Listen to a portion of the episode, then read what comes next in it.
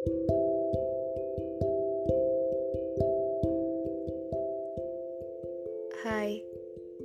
2021 year. Welcome to my new journey.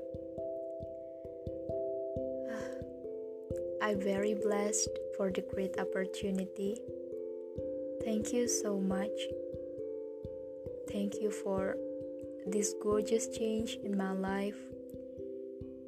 I feel can't say anything.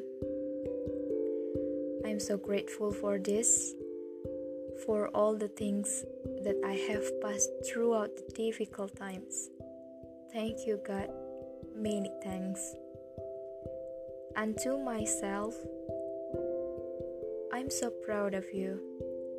I appreciate everything that have you do to be better person. Thank you. All of about my pains in 2020 year exactly previously years. Thank you for overcome those. Thank you for still a strong, positive, cool down.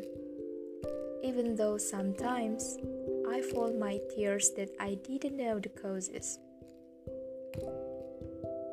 Thank you for the great happiness and surely many more sadness.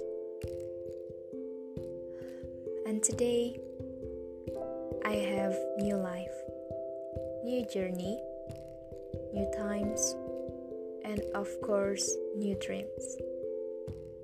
In 2021 year, I hope to find my own self as possible as a pleaser person. How about you? Happy New Year!